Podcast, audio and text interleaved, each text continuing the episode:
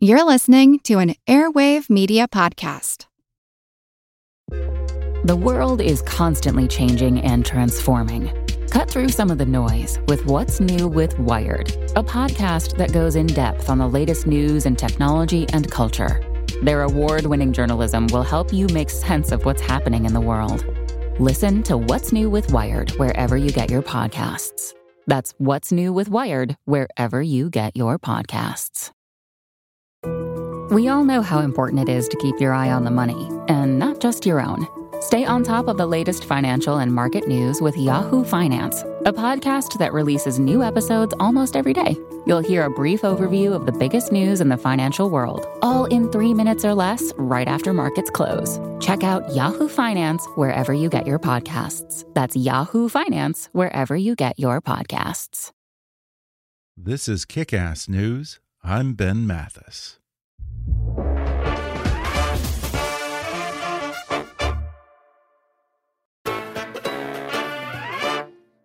Before Greg Gutfeld was a Fox News star and a New York Times bestselling author, he was a self help writer for health magazines who had no idea what he was talking about. But now, after years of experience, he finally feels qualified to guide people on the journey of life with his new book, The Plus Self Help for People Who Hate Self Help. And today, Greg returns to the podcast to share some of the lame self help advice that he used to give in magazines like Maxim and Men's Health why he generally abhors self improvement books and still hates himself just a little for writing his own book now. He explains his deceptively simple binary system for living a better life, offers some advice on coping with the quarantine, and reveals how Greg is entertaining himself during the pandemic. Plus, how humans are mimicking robots instead of the other way around. Greg talks about his most hated segment ever and the time he put on a second grade puppet show of the Watergate hearings. Coming up with Greg Gutfeld in just a moment.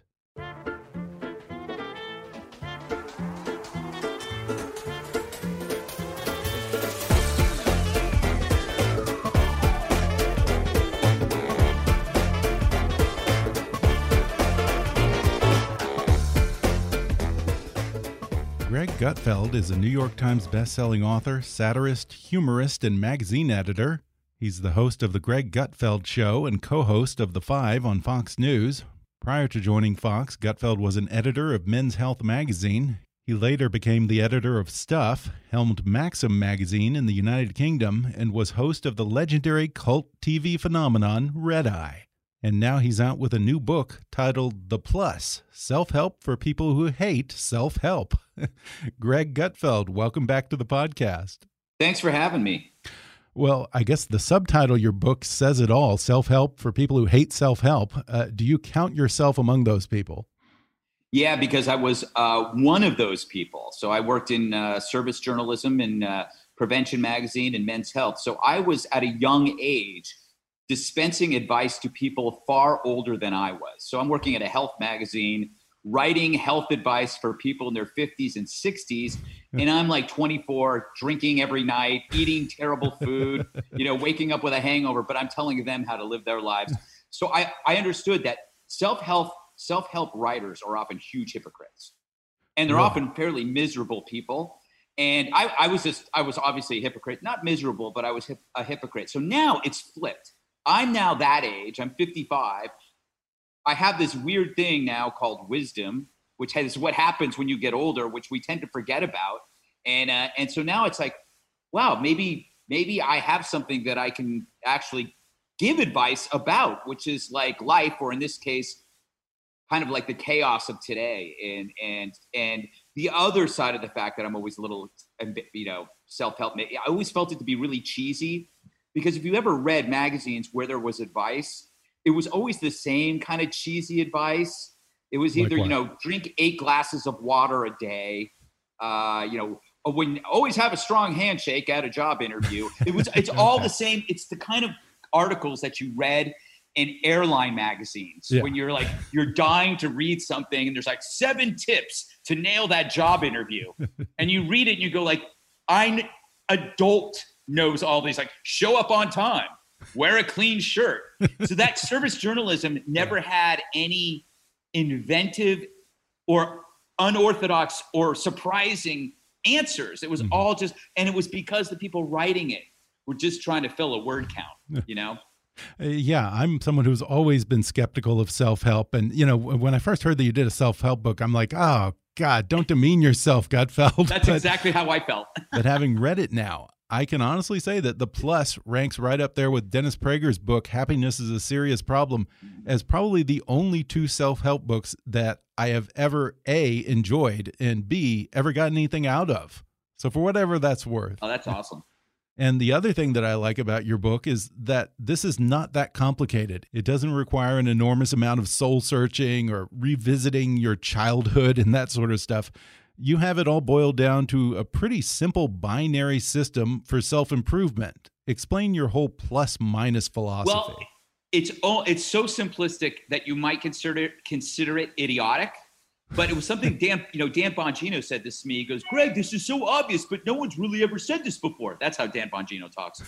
And and so he's like, I, I never thought of this before. But it's basically before every kind of uh, action that you're about to undertake, whether it is tweeting or texting or talking, you ask yourself, is this a plus or a minus? Mhm. And if you feel it, it's a kind of an obvious question, and it's at the root of all impulse control, but we never really talk about it. And the thing is, at least for for me, I could use uh, like like um, I don't know what would you call like a steroid for my impulse control. And this is kind of that. This is like the top spin, the Yeah. thing that makes my impulse control better because because I have an inclination towards negative activity.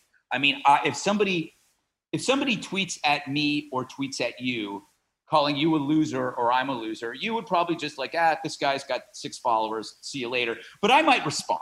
I would respond. I can't help myself. I respond to anything. but I mean, it's like you should. That's a negative, and it's like you have to learn. Like, okay, there's a path, positive or negative, which way you're going to go, Mhm. and so that helps me kind of diminish the mistakes that I make. Uh, and but it really is if for for if you were trying to explain this to somebody over seventy. They'd go, "You're an idiot. We used to call this impulse control, Right. or personal responsibility, or just being a nice person." Yeah. this is called being polite and i and i would agree with them because i do feel like we've we've we see impulse control or uh, advice over impulse control as moral judgment which is wrong like telling people to, do- to be better is wrong you can't do that so now you have people saying that looting is now reparations you can't say no looting is crime Yeah. right. that's right. so i think it's like it was a book for myself Yeah. that's what it was because i think that i need i could i could use some assistance in impulse control And it's interesting that you decided to publish a book about positive being at a moment when so many people are down in the dumps and struggling to find some kind of silver lining to this whole pandemic. Uh, do you think there's some advice in here that can be applied to the current moment? Yeah, in fact, uh, th- that was what the, what was weird about this book in general is that you know when you have a book contract, uh, they tell you what you're going to do. You know, I had a book that I was supposed to write for 2021, so this year was clear. It was like you don't need to write a book because we're not going to know what's going to happen in the election until November. Blah blah blah. Oh, right. Yeah. But I kept thinking about this stuff, uh, mainly the the mobbery and the cancellation culture that I was seeing. And like I keep writing about these problems, but I didn't have any solutions. And I was thinking, well, what if I tried? And then I started thinking about this plus minus thing. So I actually contacted my publishing company and said, I know I don't have a book due, but I think I could write a really short book. And then of course the book always like I was thinking like it was gonna be like 40 pages, like a little pamphlet you could put in your back pocket. But then it just like they're like, no, that doesn't sell. You got to make it into a book. And I Yeah. go, ah, crap. So I ended up writing the book. But all of these chapters play into, um, for example, the pandemic. It, when the book went to the printer, uh, was in February maybe, Mhm. and then it was like, holy, the biggest story in my lifetime was the pandemic. At that point, it's well since 9/11. And so I, I wrote an, whole, I added an, an extra chapter and I incorporated all the tips from the book into that chapter. One of them is being like creating a curriculum that if you're going to be t- uh, uh, tied off from the rest of the world, it's very easy for you to go in a negative space, gain weight, um, watch a lot of TV. Um, that's probably it. Gain weight, watch a lot of TV, and create a lot of negative anxiety from being on social media hmm when in fact what you can do is and i have a whole chapter on creating your own curriculum, which was not was written before this. It was just basically to make yourself better, which is like, okay, what can you do alone? You can just start out by going introduction to, you know, garage rock guitar. And then you have like you can get a cheap parlor guitar off Amazon for like 30 bucks or 40 bucks. Uh, the price of a seamless meal in New York, a cheap seamless meal, and you can and then you can tune it and you could just learn. You spend 20 minutes, 30 minutes a day. You can learn a language. You can learn. You can start reading up on philosophy. I think I started like reading up on the introduction. The, the thing is, go on YouTube. You write introduction to whatever. Right. It's all Stoics. There. Stoics. You get a hundred. you can just sit there and go. Suddenly, you know more about Stoics than any philosophy major. right. Uh, if you type in um, "guitar for idiots," you can learn. You know everything, every major hook, every major Beatles hook. Mm-hmm. Uh, if you want to learn um, a language, or if you want to learn any kind of exercise without weights, these are things that you can actually do at home that will keep you from going crazy. Right. And when else would you ever have time to do all of these things? There's so much opportunity for self enrichment during all this. So, what is that for you? Are you learning something new these days, taking up a language? What's your outlet during COVID? For me, I, you know, my gym closed. So I had to figure out a way to keep from turning into a ball of fat. You know, I'm a short guy. 10 pounds on me looks like 30 pounds on other people. So I got to like, I had to figure out. So I got a bike inside and learned how to do weights uh, with just like you know three pound weights, and uh, and that was just like so. I yeah, that's productive. You created your own right. major mm-hmm. and minor. Yeah, I love that. So, what else in your book can be applied to quarantine life? Um, other other things are about like resisting the blame game, resisting the prison of two ideas, mm-hmm. learning to adapt and adjust, and also, and I think I kind of like stole this idea from Tom Shillue and uh, Scott Adams, which is you got to turn anxiety into curiosity. Mm-hmm. This was something That's that great. I learned when I was traveling with uh, Tom Shillue because I'm a terrible traveler because I'm filled with anxiety. And it's like, oh my God, we're in a we're in a bus for three hours and it's supposed to be terrible weather, and I don't know if we're going to get there on time. And Tom's going, Greg, it's an adventure. It's an adventure, and I and it's like how a father deals with kids. Right, exactly he would tell me that like the kids would be trudging along to, when they're doing touristy things in New York, and he'd try to pretend like you're in the mountains, and who knows what could happen. And so, and Scott Adams has kind of the same philosophy about when bad when you sense bad things are happening, no matter what, you your curiosity factor is going to make it interesting, and you're going to learn something, and mm-hmm. it's going to be it's going to overtake the dread. And yeah. as somebody who is you know, I make a living off dread. I mean, I'm, I'm, a, I'm a dread zombie the idea of letting curiosity take control is really smart, especially with the pandemic, mm-hmm. because you're watching every single element of your life be shaken up. Yeah. Employment, recreation, Definitely. socialization, relationships. You know, it's so it's like you it, it could drive you crazy unless you're curious about it. We're going to take a quick break and then we'll return with more when we come back in just a moment.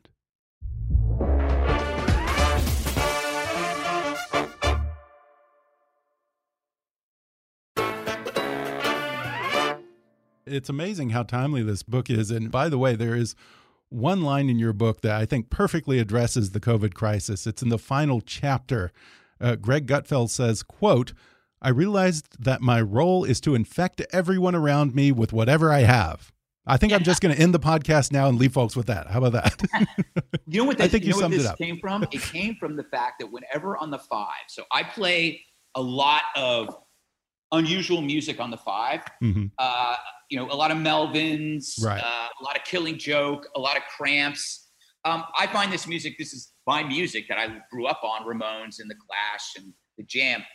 But like people like Jesse, you know, who's who, who has fairly conventional, I'll say, boring tastes, is like, what's your problem?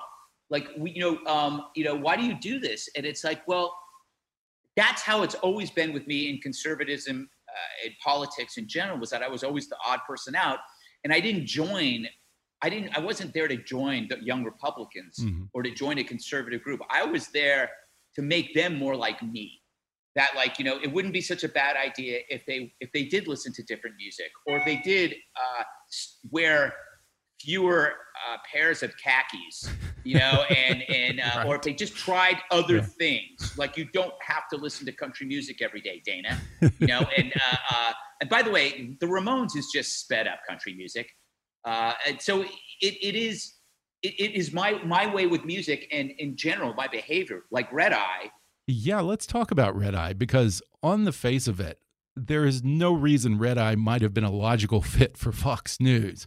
I'm sure Fox wasn't exactly itching to get into the late show business. It's a super competitive field, and at first it probably seemed way off brand for Fox News.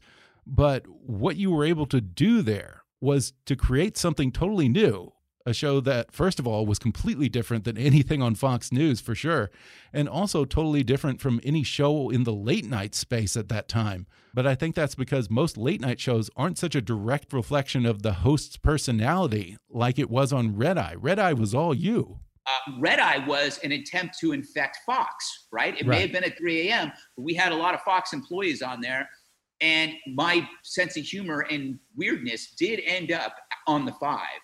And there's a lot of segments on the five that are has that virus in it. Mm-hmm. I tone my obviously I change tone myself down. I'm on at five o'clock. There's not as many poop jokes, but there's one or two poop jokes. Yeah. And the other thing is, you see people incorporating a lot of that stuff elsewhere. Mm-hmm. So it's like right. the idea is I don't want to become like other people because I don't think that helps. Mm-hmm. It's the opposite of mimetic theory, you know, mm-hmm. where you copy people. I want people to like just uh, chip off a little bit from me, uh, and and uh, it, so introducing people to this kind of music is my way of doing it.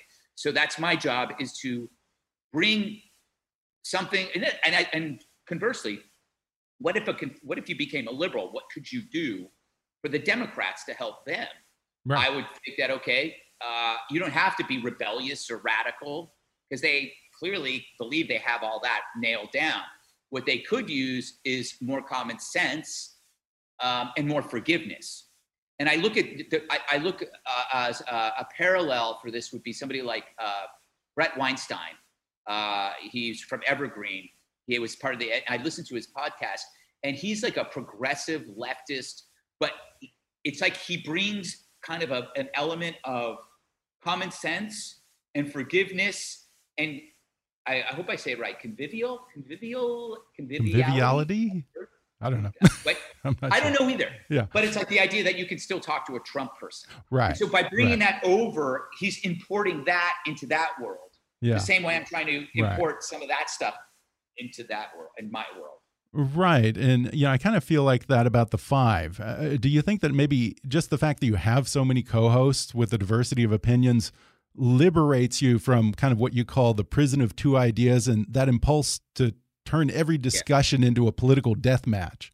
Yeah, and you know what's funny is like uh, I get, I mean, I, I, get a little bit irritated when I hear the conventional uh, talking points from any side, and mm -hmm. I mm-hmm. think um, it's one of the things about the five is that we do call each other on it when uh, when we use phrases that we've heard from other shows, or we're and and, and and that's why you often find stuff shocking on the five is that we kind of like we all like are cognizant of not saying the same stuff you hear mm-hmm. elsewhere and i hope and, and i hope that's also an influence for me but i think like like even jesse jesse surprises me now you know, and i never thought that jesse could surprise me but i've sure. told him that so it's nothing he didn't know I, I once said to jesse um, no one ever jesse will never be able to say you heard it here first And I said that to him, and he was going, "You know, you're right. You're right. I never, I'm never the person to say it first. It's right. pretty funny, but it's like it is like that's we challenge each other to, uh, and I always my my impatience comes from you know mm-hmm. whenever the the liberal says something that you hear on another from another liberal drives me crazy. I want new, uh, I want a new antagonism or a new kind of argument. Well, we're certainly on the same page with that. I, I, am so sick of hearing the same buzz phrases and talking points across three or four different shows every day. It's like, for God's sake, have an original thought, or or at least bother to take a talking point and repackage it a little bit or rephrase it. Yeah. Most of these are like watching talk shows hosted by robots. And uh, talk about a segue there. Uh, I remember last time I talked with Dana Perino, she told me Greg is obsessed with artificial intelligence and you have to talk to him about AI. And that comes into play in your chapter about the unbending mind.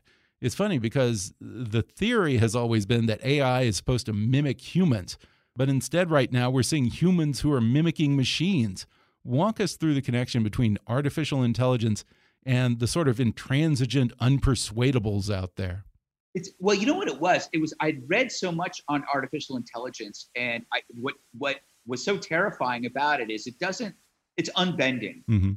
So if you can't plead with it, so I, I can't think of the guy's name who wrote Super Intelligence off the top of my head, but he uses this paperclip machine analogy that if you if you make a machine, yeah. if you create an AI whose job is to create paperclips, and you don't have an off switch or something, the unbending nature of its non-conscious thinking is that it will make everything into paperclips, including you right. and the entire planet. And it will find ways to break out into the universe eh, to, to create this to keep creating uh, paper clips I'm, I'm really doing injustice to this uh, analogy but it's right but i'm familiar with it. i think it's nick bostrom that you're thinking nick, of right yes, nick yeah. bostrom yeah exactly yeah and so the idea is you kind of see that with leftism uh, they they refuse to take yes for an answer so when you have people saying you know what we also agree that George Floyd that that video was terrible, and we we, we need to fix that. That that's not enough. They have to go. They have. There's an unbending nature to it, but mm-hmm. you also see it um, whenever you're trying to get like to get a balance on your bank account from an from a, a from a, a phone uh, a phone recording, and you if you flunk anything, it just freezes yeah. you, and there's no way to argue. Or if you're tra- trying to talk your way out of a traffic mm-hmm. ticket, or actually, let's say a parking ticket where the attendant refuses to look up. And it's just like these are all unbending minds, mm-hmm. but you do find it. And the thing is, it is positively frightening how almost non-conscious it is. Mm-hmm. It is non-conscious thinking. There is no. Uh, they, they believe that dialogue is weakness, so they just go straight to the end. So mm-hmm. when they mm-hmm. say revolution or change, it's never going to be enough. The revolution right. will keep going and the change will keep going. We'll keep making paper clips until there's nothing left but paper clips. So that's kind of my my allegory is that like the uh, analogy is that the left right now is a paperclip making machine. They don't see an end to what they're doing. So when you encounter an unbending mind in person or on social media perhaps, how do you deal with that person? Or do you? Maybe you just tune it out. What's your strategy? Well, I think there's that there's that that first step. Well, a cross the street because there's no you're not gonna you're not gonna win if it's if it's actually a a per, uh, uh, uh, uh you're in the same place with somebody mm-hmm. you're not gonna get that person from screaming at, at, you to stop screaming so you have to get out i always feel bad for the person trapped in the car mm-hmm. because i don't know how what, anything they do is going to be wrong yeah but first off is uh, the i hear what you're saying kind of thing i always give like an inch in order to later take you know a mile uh, and, and, so I always go like, you know, I hear what you're saying. You know, I used to, you know, I, I, I feel like you're making a point here, but I would add, you're always, I always kind of like try to dig it, and, and then maybe that softens it a little bit. Um, and that tends to work mm-hmm. on normal people, but people who are, are intensely miserable or unhappy or antisocial, you can't, they will not even take, yeah. they will take your acquiescence as a sign of weakness. Sure. Sure. The first thing to do if you think you're in a conversation is to give them an inch or two,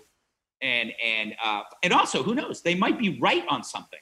So the other thing too is actually willing to listen and go, okay, so maybe the, the maybe police brutality is a serious issue, you know, and tell me what statistics you have.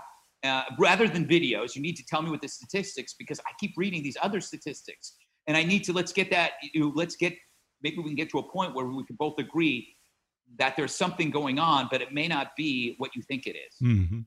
But probably doesn't work. Maybe not, but at least you tried, you know. Well, as we wind down, I was interested to read how your life has come full circle with Red Eye, then The Five, and The Gutfeld Show. This is really the realization of a lifelong dream for you. You're talking here about watching all the great old talk shows like Merv Griffin and Mike Douglas, and you would put on shows yourself as a kid In fact, I've even heard this story that you were in second grade when you actually put on a puppet show of the Watergate hearings. Why does that not surprise me, Greg? Is that true? And how did that go over with an audience full of second graders? It, it, did not go over at all no. because you know what was weird was I didn't know if I wanted to be on TV. I just loved talk shows. Mm -hmm. I loved Merv Griffin and Mike Douglas and Johnny. I just loved yeah. that stuff. Those were my, that was my sports growing up was watching that stuff, getting home and watching afternoon talk shows. Uh, and so I thought, I, so it was Mad Magazine had, uh, I love Mad Magazine. It's got to be 1972 or something. And I actually tore out the back and forth between Nixon and Agnew and somebody else. Nobody knew what I was doing. And so yeah. I had my friend Doug Ridgway, and I don't know who he played, but we had like a, a puppet show in summer, I think it was summer school or second grade. Nobody laughed. And it was just like these little puppets doing this dialogue from Mad Magazine about Watergate and nobody understood it. Nobody even knew what I was talking about. But that was my. So not much has first, changed, has it? Nothing has changed. I'm used to silence uh, after I say things. Well, Greg, I really enjoyed the plus. There's some absolutely great stuff in here, and I have to tell you, there's something that I'm really, really, really hoping that you will bring back on the Gutfeld Show to promote this latest book. For your last book, you came up with this unusual gimmick to plug your book on the Gutfeld show. You gave an interview to a guy in a dolphin suit. Did you or will you revive the dolphin report for this book? One of the most hated things I've ever done. really? I love but that. I love that. I mean, only only true Red Eye fans. Yeah. Because that was on the GG show. Right got that, but it was uh, I was interviewed by a dolphin. Oh, that segment brought me so much joy. It's fantastic. It, it, reminded me of the kind of things that David Letterman used to do in the early days of late night, and I love how committed you were to the bit. I'm all about the dumb gag that keeps going and going and going way beyond the audience's comfort level. so you may have a lot of Dolphin Report haters out there, but you at least have one very, very big fan right here. I mean, you know what? You're going to make me now go look it up because I haven't seen it since I did it, and now I bet it's on YouTube. I have to yeah. go find it. it. You know what the it was weirdly was? genius. I, I, wanted it to go way long just to piss everybody off, and I think it went four minutes, which was you don't even do four oh. minutes for a normal uh, segment interview on a book, but to right. do it with dolphins asking you questions. that was you know perfect. I should do that again. Yeah, you you absolutely should. I, I insist. With a different animal. No, no, no, no. Don't you dare. know dolphins. You, you can't no, do a land dolphins. animal or anything too cute. It only works because dolphins are, let's be honest, a little bit weird and a little bit out of place and maybe even a little bit annoying. it works because it is a literal fish out of water. No, we'll keep it to dolphins. I will tell you this, Greg. Immediately after seeing the dolphin report, you did inspire me to crash my wife's bridal shower dressed up in a full on raccoon costume, handing out Ah. beanie babies and Mexican candy for really no particular reason. and that goes directly back to the dolphin report. So, congratulations. You did succeed in infecting me with a little bit of your weirdness. Well done. Well, once again, Greg's book is called The Plus Self Help for People Who Hate Self Help. Go get it. Greg Gutfeld, it is always a pleasure, sir. Thanks, buddy. Take care. Thanks again to Greg Gutfeld for coming on the show. Order his new book, The Plus Self Help for People Who Hate Self Help, on Amazon, Audible, or wherever books are sold. Watch Greg every weekday on The Five and every Saturday on The Greg Gutfeld Show, both on Fox News. And follow Greg at ggutfeld.com and on Twitter at, at Greg Gutfeld. If you enjoyed today's podcast, be sure to subscribe to us on Apple Podcasts and rate and review us while you're there. Five star ratings and detailed reviews are one of the best ways for new listeners to discover the show. You can also follow us on Facebook or on Twitter at, at KickassNewsPod and recommend us to your friends on your social media. For more fun stuff, visit kickassnews.com, and I welcome your comments, questions, and suggestions at comments at kickassnews.com. For now, I'm Ben Mathis, and thanks for listening to Kickass News.